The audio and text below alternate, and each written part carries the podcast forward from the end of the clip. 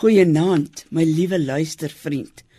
Petrus se verhaal laat my al te veel aan my eie lewensvrae dink en daarom gee ons tydens ons aandoordenkings 'n aandag aan 'n paar grepe uit Petrus se lewe. Vanaand kyk ons eers na sy roeping. Lukas 5 vers 1 tot 10. Ons vind Jesus aan die oewer van die Genesaret meer. Verdring deur 'n skare Hy klim op Simon Petrus se skei en vra hom om 'n entjie van die land af weg te roei en dan maak hy daarvan sy preekstoel. Nadat hy klaar gepreek het, sê Jesus vir Petrus: "Gaan uit na die diep water, laat sak julle nette daar om vis te vang." Hulle het die hele nag deur, die beste tyd vir visvang, niks gevang nie, maar nogtans gehoorsaam Petrus hierdie vreemde opdrag en hulle vang soveel vis dat hulle nette wou skeur.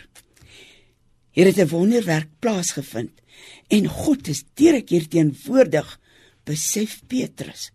En diep onder die indruk dat hy 'n vuil, sondige ou visserman is, buig hy by Jesus se knieë en vra hy vir Jesus om asseblief maar van hom af weg te gaan.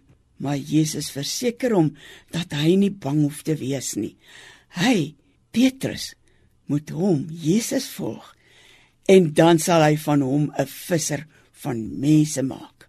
Oorweldig deur die wonderteken los Zebedeus se seuns Jakobus en Johannes en nog ander saam met Petrus al hulle besittings en hulle volg Jesus. Het dit met jou ook al gebeur? Dat jy gevoel het jy's 'n aaklige sonnaar en jy's onder die indruk van God se direkte teenwoordigheid en sy grootheid. Nou wil jy liewer wegkruip as om bloot te gestel te wees voor God. Petrus se erkenning dat hy 'n sondige mens is, was geen rede om nie 'n volgeling van Jesus te word nie. En dit geld vir jou ook en vir my En Jesus vra vanaand vir ons: "Volg my."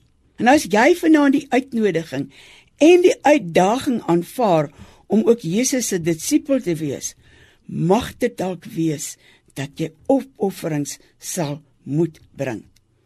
Alles los beteken dalk jou statusbewustheid, jou weelde, jou gerief. Jy sal self weet wat. Dankie Jesus dat U my opnuut roep ten spyte van my sondigheid maak my gewillig om die nodige offer te bring. In u naam vra ek dit